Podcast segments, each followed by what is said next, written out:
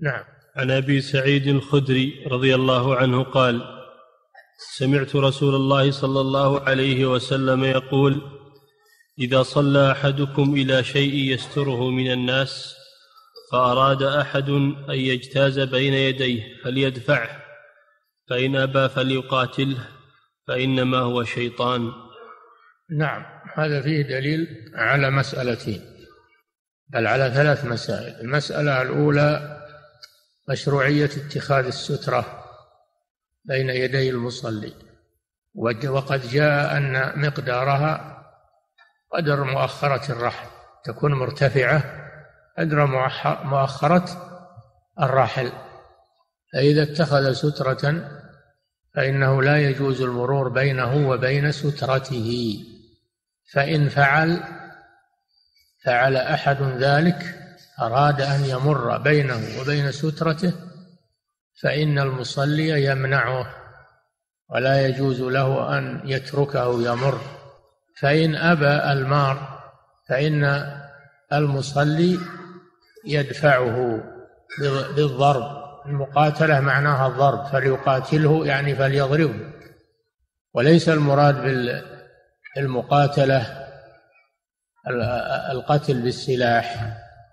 وإنما المراد بها المضاربة فوجد فيها رجلين يقتتلان يعني يتضاربان فقوله فليقاتله يعني فليضربه.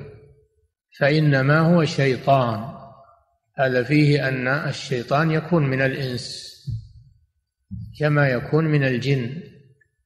فهذا الذي تمرد وأبى أن يمتنع وأصر على فعل الحرام هذا متمرد والمتمرد شيطان.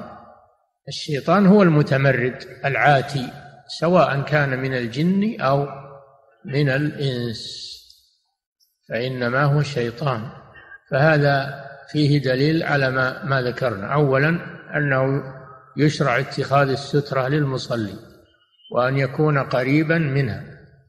ثانيا أنه يحرم المرور بين المصلي وبين سترته. ثالثا أن أنه يشرع للمصلي أن يمنعه ولو بضربه لأنه معتدي لأنه معتدي وفاعل لمحرم يستحق العقوبة. ويدل الحديث رابعا يدل الحديث بمفهومه على أنه إذا لم يكن أمام المصلي سترة فإنه لا يمنع المار لأنه هو هو المفرط.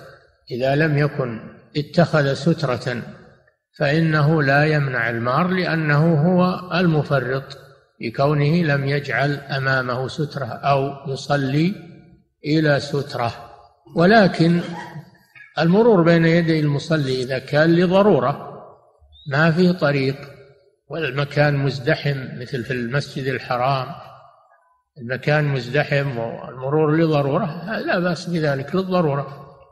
فقد صلى النبي صلى الله عليه وسلم في المسجد الحرام والناس يطوفون حول الكعبة بين يديه ولم يتخذ سترة عليه الصلاة والسلام. فهذا يدل على أن المرور لأجل الضرورة وضيق المكان وكثرة الناس أنه لا بأس به. نعم.